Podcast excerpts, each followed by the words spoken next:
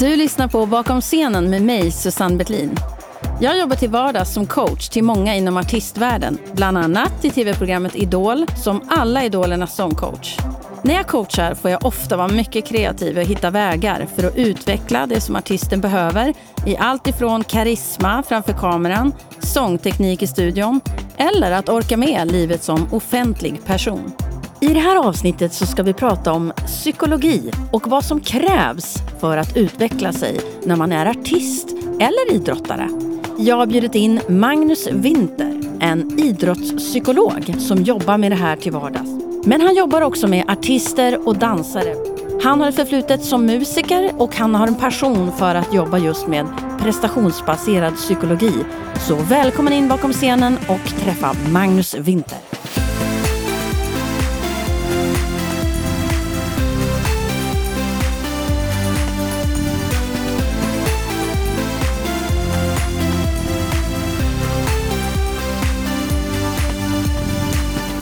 Hej och välkommen till min podd, Magnus Winter. Hej, hej! Vad kul Gud att vara här. Ja, jätteroligt att träffa dig. Vi snackades ju vid för flera år sedan och pratade om det här. Du är ju gammal musiker.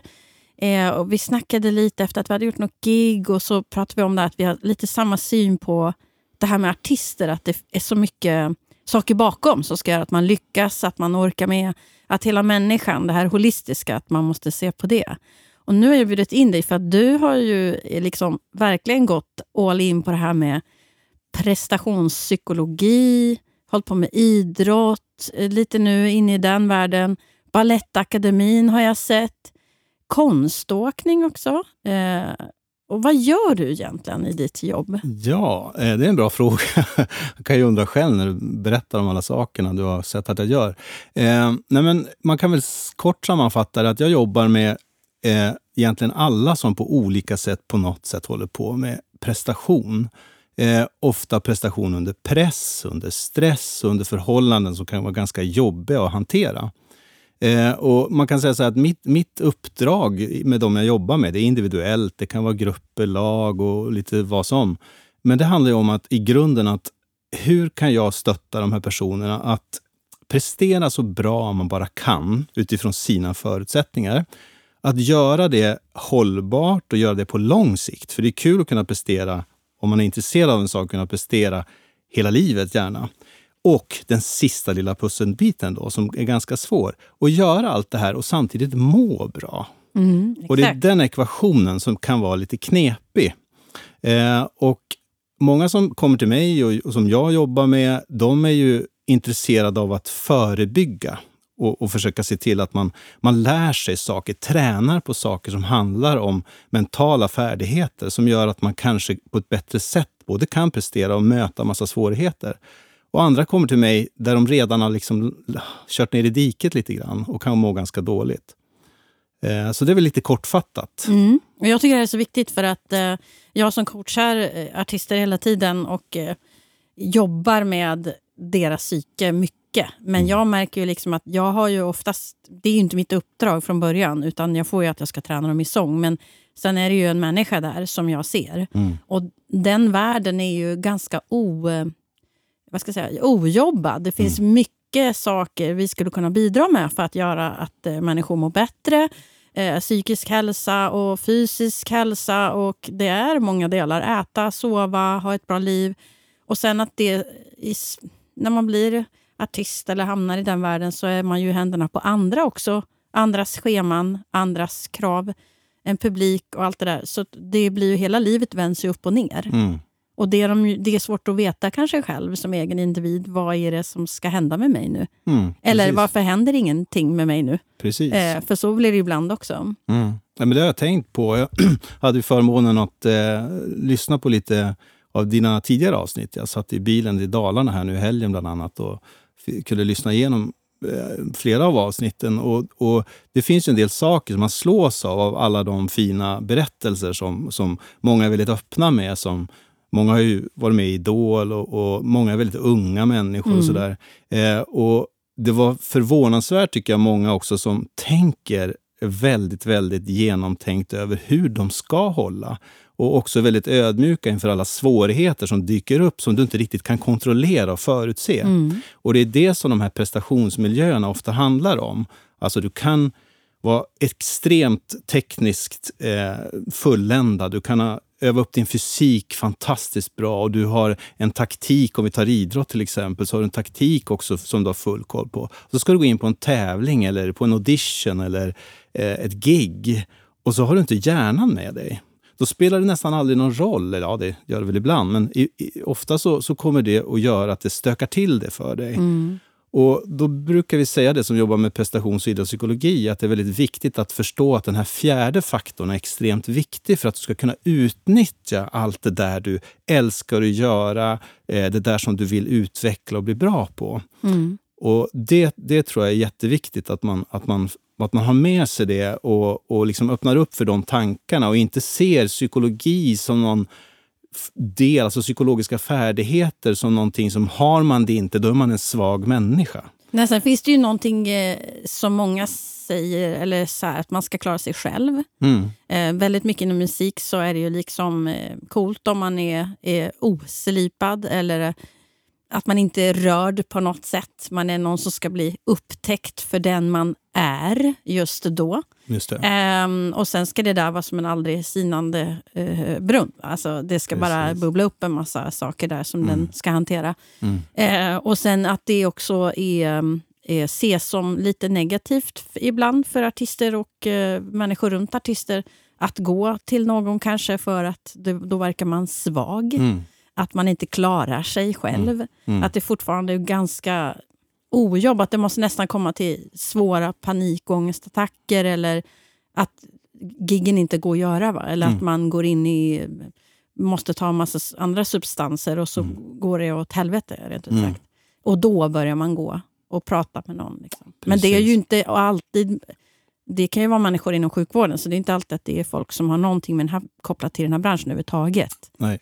Så det, det blir, de måste liksom hamna på botten på något mm, sätt. Mm, mm. Är det därför du ville jobba med det här? Alltså. Ja, alltså, jag är pedagog från början. Eh, som du sa, musiker i unga år har fått liksom, spela musik på olika sätt. Eh, fast, fast inte professionellt och lite semiproffsigt kanske.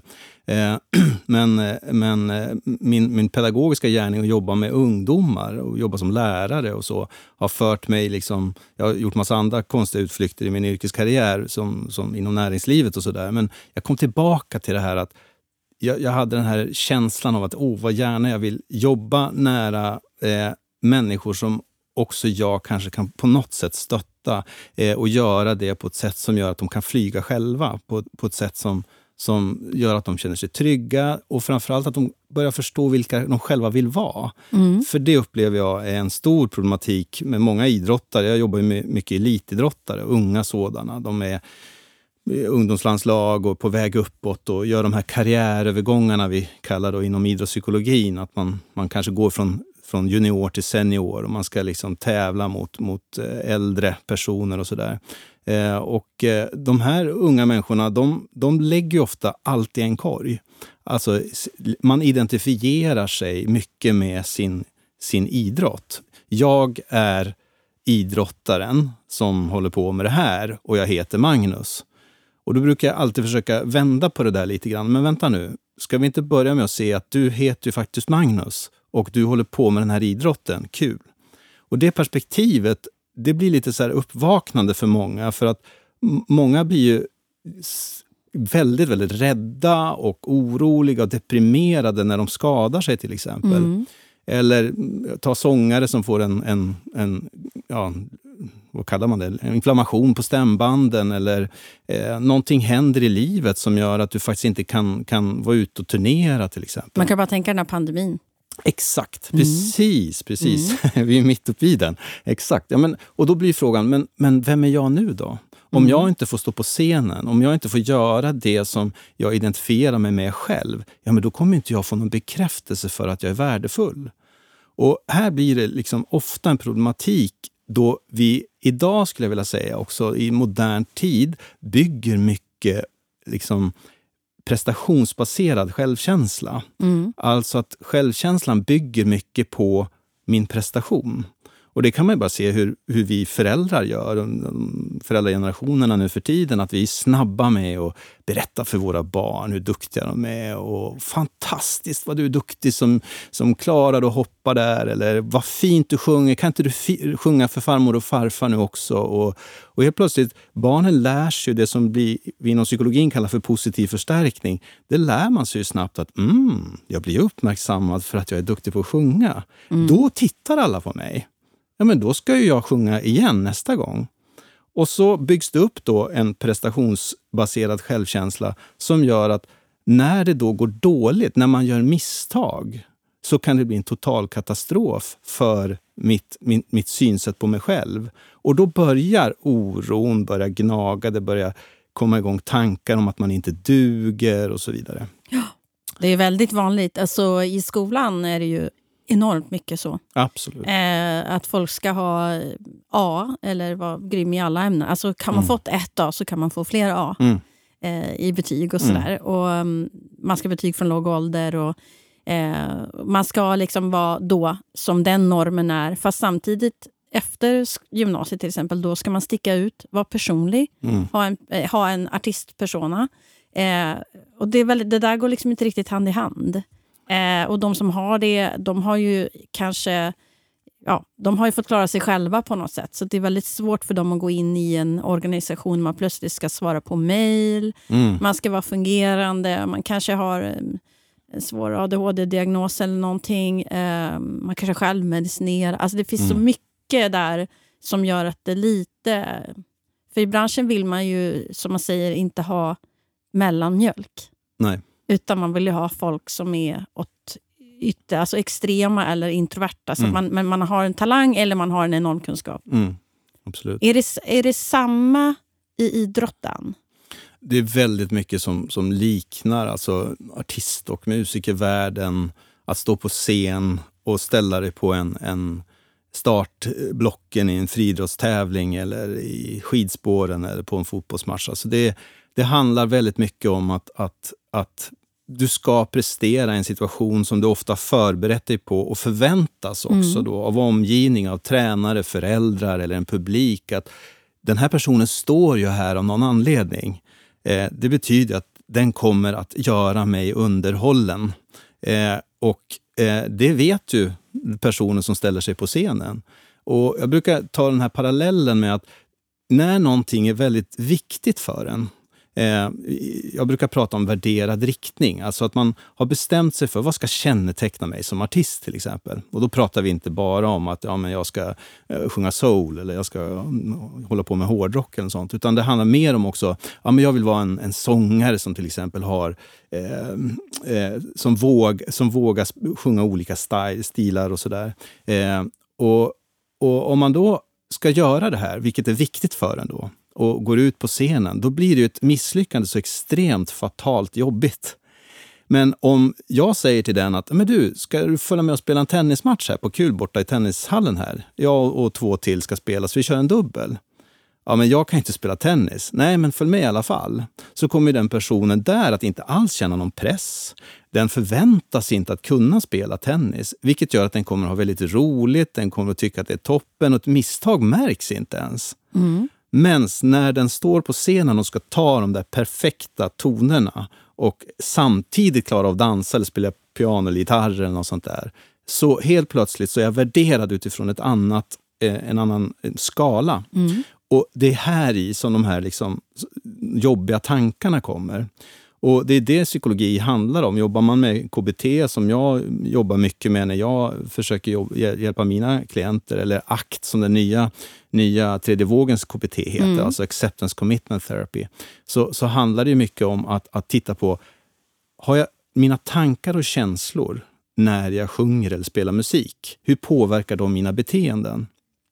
Och det är det som egentligen performance psychology handlar om. Alltså tankar och känslor du har när du ska prestera.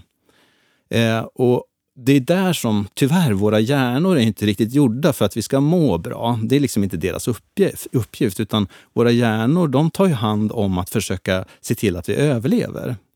Och det där, är ju, det där blir så jobbigt för människor som, som på något sätt tycker att, men hallå, tanken, kan du försvinna? Eh, och många liksom före mig i de kanske tidigare eh, vad ska jag säga, rådgivningarna i olika psykologiska sammanhang, kanske mer av de som bygger på pseudovetenskap och charlataner och andra som är ute och försöker ja. predika budskapet. De, de, eh, de säger, ja men tänk positivt. Det, det har ju varit en klassiker. Liksom. Ja, verkligen. Ja, precis. Ja, och så tänker man, men toppen, jag tänker jättepositivt nu. Nu ska jag verkligen sätta mig ner här. Nu är det liksom slutaudition i Idol. Nu ska jag tänka positivt på mitt första framträdande. Ja, och så kör man och så kommer juryn och säger att nah, det här var inte det bästa du har gjort. Och du var ganska tveksam där när du gick in i refrängen. Och du borde vara lite mer, ha lite attack i, i ditt sätt att framföra liksom, ditt, ditt kroppsspråk och sådär. Och så, och så går man tillbaka till den här rådgivaren och säger men alltså det funkar inte. Nej, men du tänkte inte tillräckligt positivt.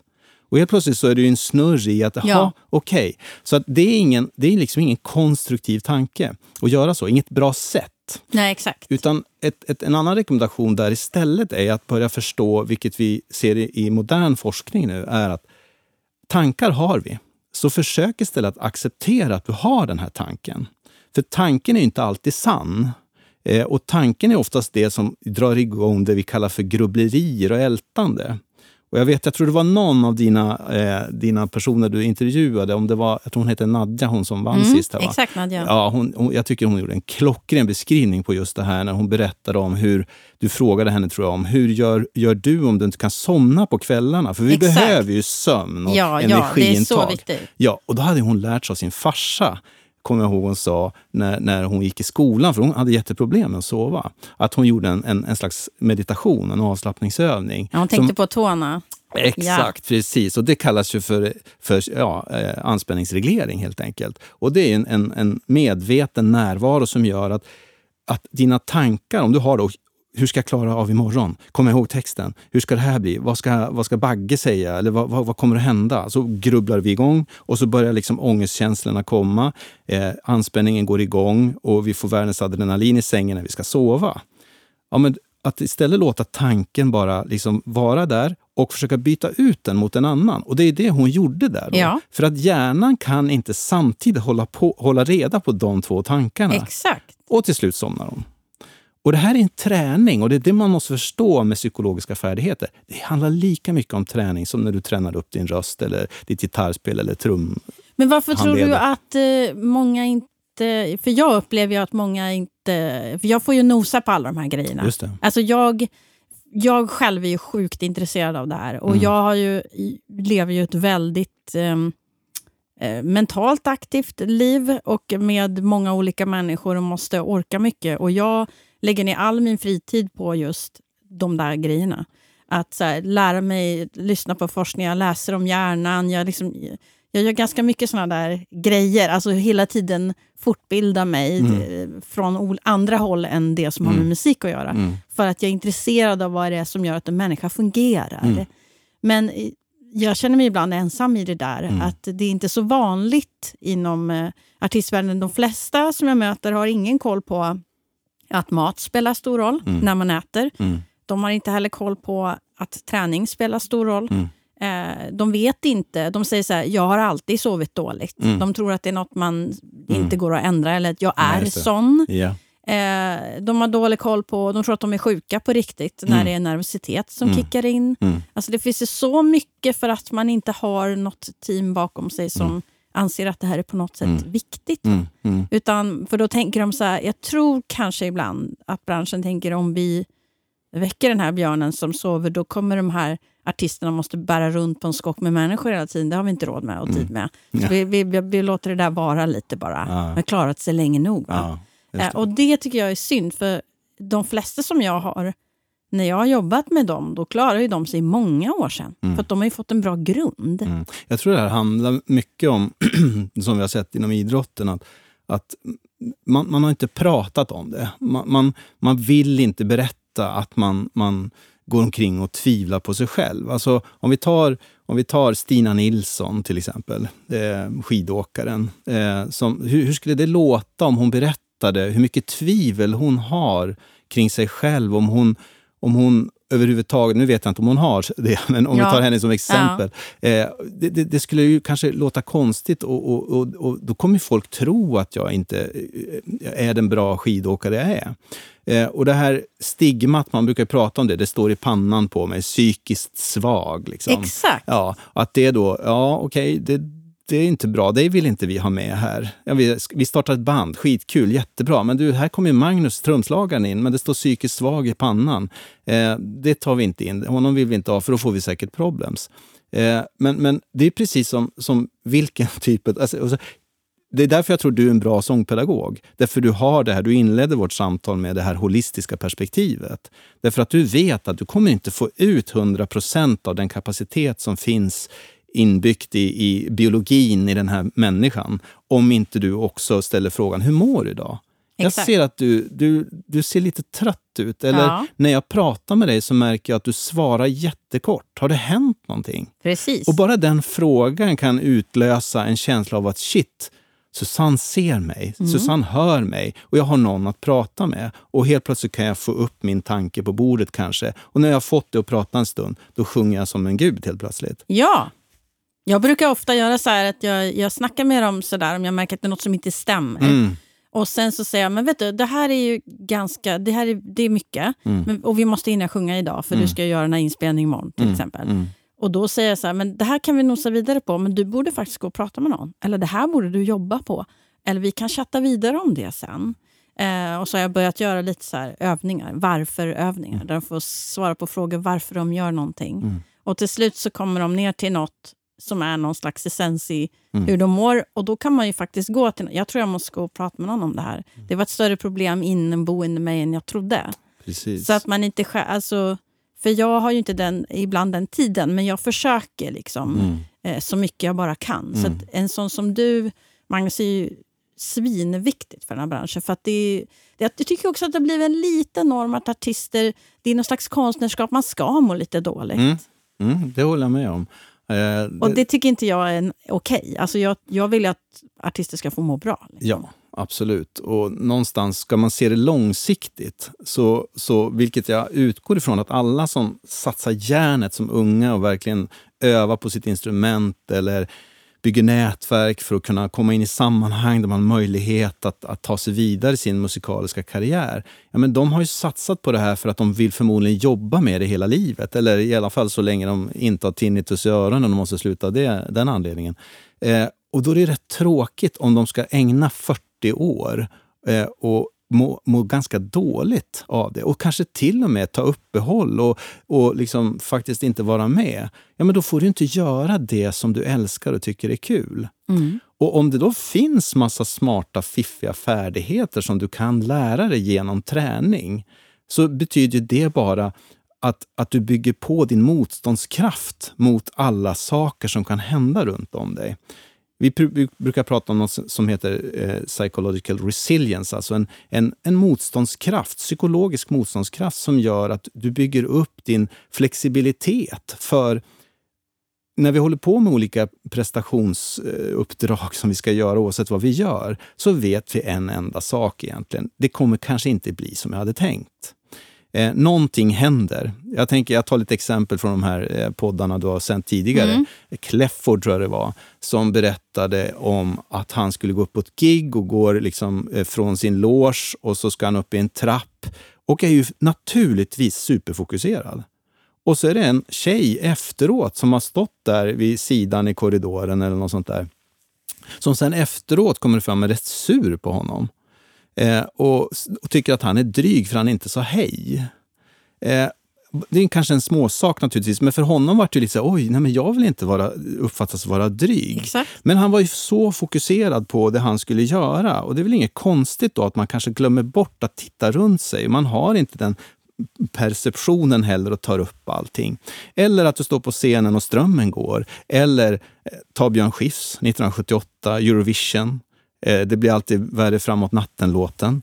Redan andra frasen glömmer han bort texten. Ja. I direktsändning. Och jag älskar den. Det borde alla titta på. Jag jobbar ju på, eh, på Balettakademin som sagt med, med, med yrkesprofessionella dansare som ska bli proffsdansare. Eh, och vi pratar mycket om det här med problemlösning. Alltså, hur gör du då? Ja, men titta, hur gjorde Björn Skifs? Jo, han kör sådär. Ja. Och liksom ingen hör att han Nej. inte kunde texten. Nej.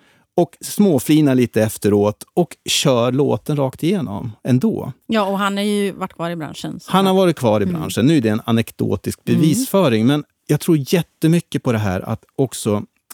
Det är en annan sak som är viktig inom prestationspsykologin. Det här att kanske försöka kika lite, vad är min målorienteringsprofil? Alltså, vad, när tycker jag att jag kan någonting och värderar mig själv positivt? Är det när jag är bäst, alltså att jag är väldigt resultatorienterad? Och i dessa tävlingstider när musik är mycket tävling så blir det ju lätt att jag ska vinna Idol. Det är ett klassiskt resultatorienterat mål. På den andra skalan, och det här är en, en slags skala fram och tillbaka, alla, alla drar sig lite mitt emellan där, men man kan vara mer eller mindre ibland också. Men på den andra sidan, där har vi de uppgiftsorienterade som mer är fokuserade på att när jag känner att jag kan något och känner mig värdefull, det är när jag gör mitt bästa. Den resultatorienterade personen, den är, känner sig värdefull när den har vunnit. Och då blir det ju intressant. Då. Okej, vi sätter upp ett mål, jag ska vinna Idol. Och så gör du din livs bästa sånginsats på finalen. Och så när vinnaren kommer, så är det den andra. Mm. Har du då nått ditt mål? Nej, Nej. det har du inte. Och när man gång på gång inte når sina mål, då har man sett att motivationen går ner, självförtroendet går ner, Jajamän. man börjar bli orolig för att man har valt fel och så vidare. Men, och, och det gör också att den som är väldigt resultatorienterad och också har lite mer statiskt mindset, brukar man säga, de ser ju också att man undviker gärna situationer som, där man inte är bäst. Men den som är uppgiftsorienterad, som är lite mer då tänker, när jag gör mitt bästa, då är det bra. Och den har fokus på utveckling, på lärande och den har också fokus på att vara nyfiken. Det här stämde inte, kan jag göra på något annat sätt? Och den fjärde faktorn, ansträngning. Den förstår att om jag ska bli, få vara med och gigga med de här och spela trummor i det här bandet, då måste jag sitta och träna paradidlar. Det går inte om jag sätter bara, ah, men jag skulle vara kul om jag hängde med i det gänget. Så här, sitter på lördag eftermiddag någon gång och kör lite, lite enkelt eh, eller så. Nej, jag måste kanske börja planera, sätta mål. För då är det mycket lättare att kontrollera mitt mål. Och om man då är lite smart och sätter upp delmål där, då blir det mycket lättare att nå sina mål. Och vad händer då? Jo, motsatsen. Din motivation går upp, du känner bättre självförtroende, du mår bättre och du känner att du känner dig mer liksom, eh, på för att anstränga dig också. Ja, och det här skulle ju... Alltså, alla, oavsett vad man gör i livet, behöver ju tänka lite så. Och många kanske gör det, men är, Precis.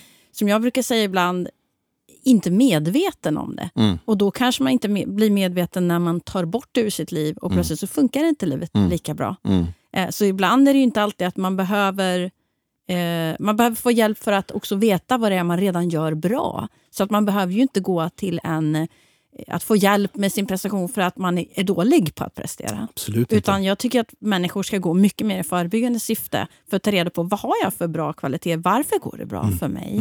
Varför mår jag bra? För att behålla det måendet. Och eh, Det tycker jag är jätteviktigt. För eh, Jag tycker att många går för sent. Liksom. Mm. Och väldigt ofta till mig kommer ju folk när det har gått dåligt. Mm. Eh, eller du måste fixa den här lite snabbt nu. Mm. Och det är kanske bara några veckor innan Mello. Man kanske får trä- Melodifestivalen, typiskt får man träffa dem kanske fem gånger. Mm. Och då ska de prestera inför flera miljoner människor. Liksom. Mm. Mm. Och de ska själva sova på hotellet. Och det är också en grej som Mm. är märkligt. Jag pratade med eh, eh, liksom ett, ett band som jag coachar nu då, som var med i Mello. Och där den ena hade småbarn. Mm. Och eh, det var ju speciellt att sova utan sitt Mm. barn. Mm. Eh, och det var en kille då. Och, eh, så att då plötsligt blev det så uppenbart att han inte hade sovit under veckan. Mm. Men så, som tur var så kom familjen, frun och barnet till liksom, deltävlingen och, och, och då kunde han sova för första gången ordentligt på Mm. natten. Men var inte liksom medveten om det. Mm. Och det kan ju ställa till jättemycket om man inte har sovit bra. Absolut. Absolut. Eh, och de där förutsättningarna, att man kanske måste sova borta och inte van. Mm. Det händer ju ofta i Idol. Mm. Att folk är unga eller äldre, vana att vara med sin tjej. Mm. Eller till exempel, många av dem som kommer med i Idol som är väldigt eh, duktiga på att teama, prata. Mm. Eh, de kommer ofta från elitidrott eller någon slags Mm. sån där... Annan prestationsmiljö. Ja, ja. Mm. Så de är vana att gå in och eh, liksom tycker det är spännande och kul. Mm.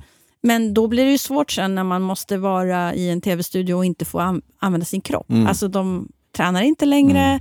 Går det bra för dem i Idol så blir det lång tid, kanske 12 veckor om man kommer till final Mm. Utan sin familj, sin flickvän, sin träning. Mm.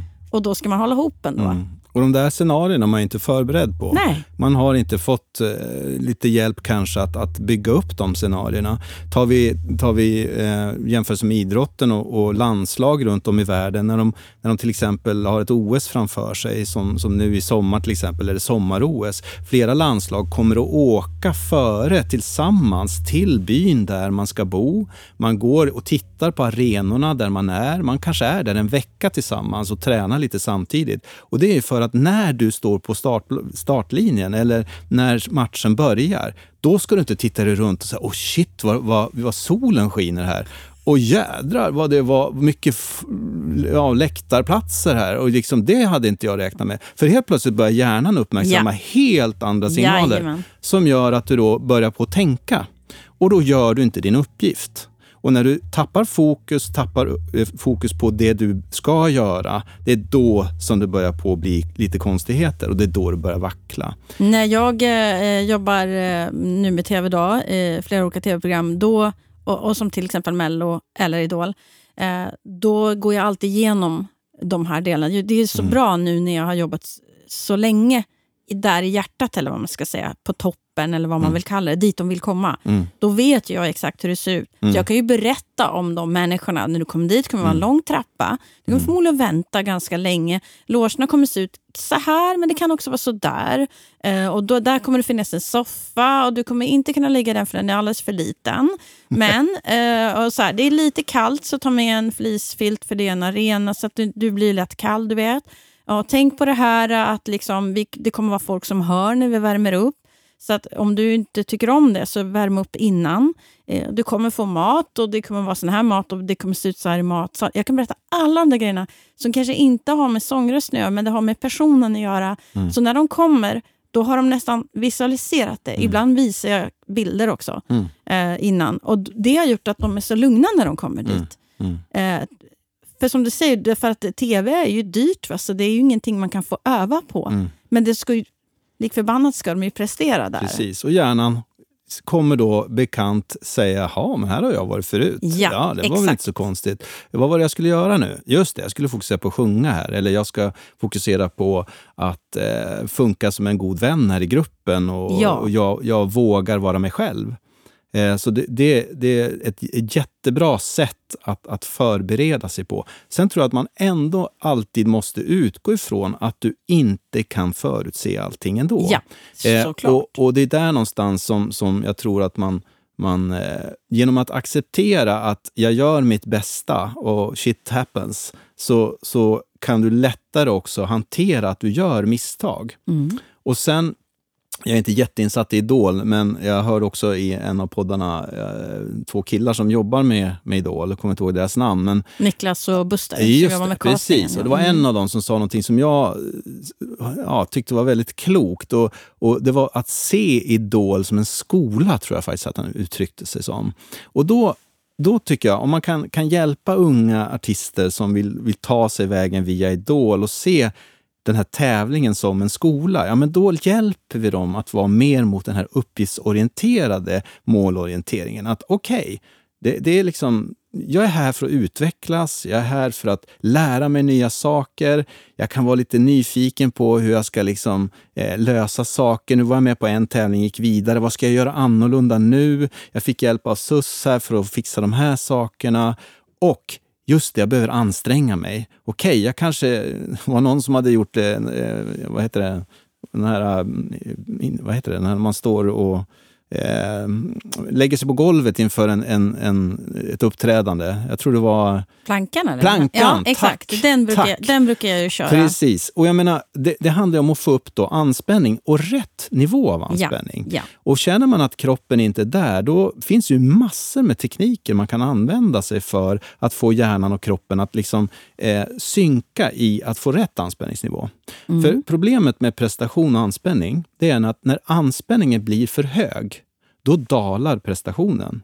Så jag brukar säga så här att vi har ett, ett system i hjärnan som heter sympatiska nervsystemet som är till för att dra igång oss om vi Ja. blir rädda eller sådär. Och det där är autonomt, det kan vi inte göra så mycket åt. Vi börjar andas snabbare och vill bli rädda och sådär. Eller vi, vi, vi, syran ska ner, blod och syre ska ner till, till musklerna för att vi ska kunna springa ifrån ett lejon. Eh, och, och Det där är helt naturligt. Och, och, och tar vi då när man, när man vaknar på morgonen, då är det här liksom på låg nivå, verkligen. Du kravlar dig upp till toan, sätter dig på toan och så lyckas du prestera lite där. Och så, ja, men då har ju sympatiska nervsystemet gått upp lite. Din anspänning har gått upp lite för att klara och fixa det. Men det är fortfarande på en väldigt låg nivå. Om du sen nu ska ställa dig på scenen lite senare på kvällen, då börjar anspänningen gå upp. Och då finns det liksom en, en gräns för var och en någonstans när anspänningen inte kan bli högre. För att då börjar du få liksom komplikationer i din kropp, börjar reagera. Du får spänningar i muskler, du börjar bli stel, du börjar eh, få pulsen, du har ingen saliv i munnen. Du får massor med kroppsliga symptom på att nu börjar det hända någonting. Och den, det är den här anspänningsregleringen man behöver få hjälp med och träna lite på. Hur kan jag hantera det? Och det är ofta det som folk kommer till mig så här, "Ah, Magnus, jag är så jäkla nervös när jag ska göra saker. Kan, kan, du, kan du hjälpa mig att sluta vara nervös? ja. Ja, alltså nervositet är någonting som kroppen har som kan vara väldigt positivt och bra. Det är när den under lång tid blir dysfunktionell. Alltså den, den hjälper dig inte att nå de mål som du vill sätta. Ja, men då kanske vi behöver titta på det. Och, och apropå prestationsbaserad självkänsla, jag kan ha föräldrar som ringer till såna här så kallade talanger, då, idrottstalanger, som det går väldigt bra för och de är 12 år, men de har ett problem, de blir så nervösa. Så föräldrarna tycker inte att de kommer till sin rätt när de spelar matcherna. Så kan de ringa, "Ka- hej, hej, kan du ordna så att, så att eh, mitt barn blir av med sin nervositet? Och då blir det också lite knasigt för att vi måste på något sätt förstå att psykisk hälsa handlar också ibland om att det skaver lite, att det är lite knepigt, att vi blir ledsna, vi blir arga, vi blir frustrerade, vi, vi vet inte vart vi ska ta vägen ibland och så vidare. Och Det är en normal del inom psykisk hälsa. Men när vi pratar om psykisk ohälsa, då pratar vi om någonting annat, för då börjar livet inte fungera. Och det är här som det är så viktigt att kan vi, som du var inne på förut, förebygga det genom att hjälpa unga människor att lära sig lite tekniker och, och som vi sa, få kunskap. Alltså, Ja, det kan räcka se med att bara- varandra också. Ja, det räck, räcker med att, jaha, är det normalt att hjärtat börjar klappa när jag ska Jajamän. ställa mig på en scen? Ja. Jajamän. Är det normalt? Har andra så också att de inte får någon saliv i munnen? Ja, det är för det är så kroppen funkar när man blir nervös. De vill alltid rädd. dricka väldigt mycket, eh, alltså dricka mycket vätska eh, hos mig. Och jag brukar säga, fast du behöver inte det. Alltså du kan inte dricka, då får du dricka, då får vi sätta in en slang som går oavkortat. Ja, Plus att precis. vatten är väldigt hårdsmält. Ja, Så du bara behöver vräka i det. Ibland är det vissa som dricker liter av Ja, te. Det är ja. ju stoppande ja, också. precis. Eh, så att det är ju så här, eller så här, de vill ha tabletter som ska utlösa saliv. Jag brukar säga bit lite på dubbeltunga. Mm. Och liksom, man måste komma ner lite i kroppen. Ja, ja, eh. Men precis. det är, eh, jag upplever ju lite trend i, som har kommit sedan många år, att vi ska i sk- skolan, som jag går tillbaka till för att skolan är något alla ska gå, Mm. alltså vanlig grundskola, att vi ska vara mera klara oss själva. Vi ska, det är individbaserat. Du ska prestera som du vill i den nivå du vill. Mm. Du ska ha din individuella plan eh, tillsammans med föräldrar eller mentor och så vidare. Så det är så mycket själv. Så att man, har, man tror att man är unikare än vad man är. Mm. Också till det dåliga, alltså just att vissa är så duktiga men de förstår inte. Eller vissa är så trygga egentligen. De skulle kunna klara mycket mer men de vågar inte. För Mm. när man då kastar in en massa talanger i samma grupp, då märker de att men gud, de är som jag. Mm. Det är normalt att vara så Mm. här. Mm. Eh, Jag är, fungerar bra eller jag fungerar inte bra. Och det, det, det, där är intressant, så kan de absolut. hjälpa varandra. Exakt, och det, det, det är bra att du säger det. För att eh, Jag tjatar väldigt mycket om när jag, när jag jobbar med klienter sådär, att, att, att Visst kan du sätta upp resultatmål, absolut. Men när du har gjort det, glöm dem för ett tag och var väldigt uppgiftsorienterad. Och den uppgiftsorienterade personen har ju då en mycket större förmåga att också titta på konkurrenter. Ja. Okej, nu har vi, vi är 12 stycken här. Vi, ska, vi vill alla vinna. Men vad gör hon eller han som gör henne eller honom så, verkar så avslappnad varenda gång vi ses. Och varje gång vi, vi, vi kör ett rep här och sånt där, så funkar det så bra. Liksom. Ja, men gå fram och fråga.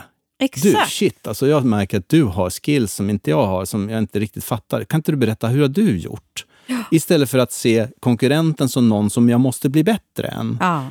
Då, då har du genast ett förhållningssätt som handlar om återigen det här med ja, men jag är här för att utvecklas. Jag vill bli en bättre version av mig själv hela tiden och utveckla mina skills. Kan jag ta lärdom om någon som kan någonting bättre? Mm.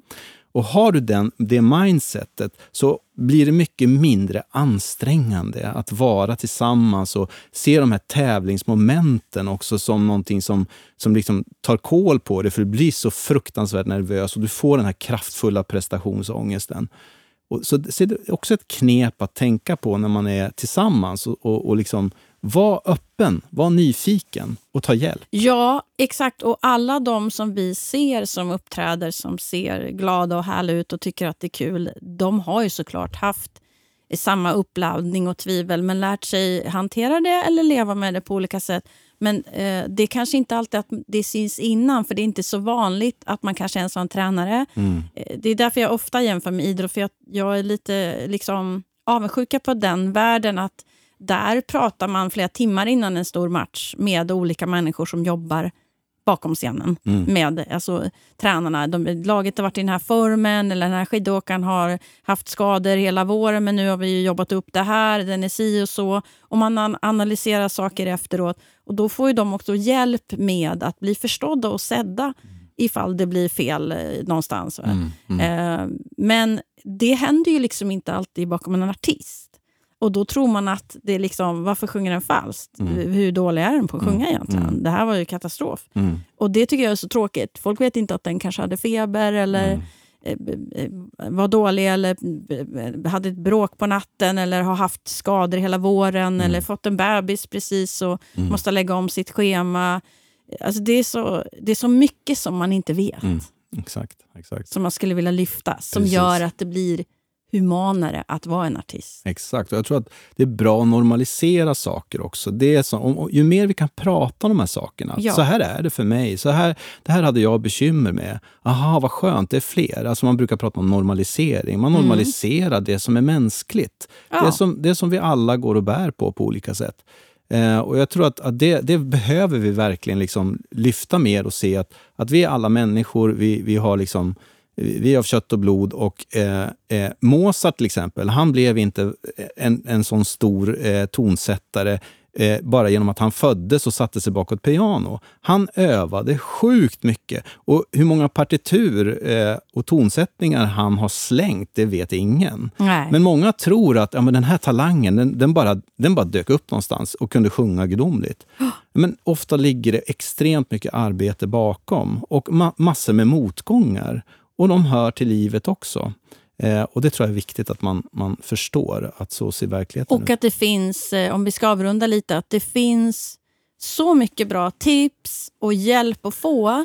Och att man kan kontakta en sån person som dig. Eller överhuvudtaget tycker jag man ska nosa in lite mer på det området. Att vem som helst som jobbar med just prestationsutveckling. För att det är psyke och det är kropp och vi har mer likheter än vi tror mellan våra branscher liksom, som Absolut. vi kan dra nytta av. Absolut. Även Helt inom rätt. musiken. Liksom. Oh ja.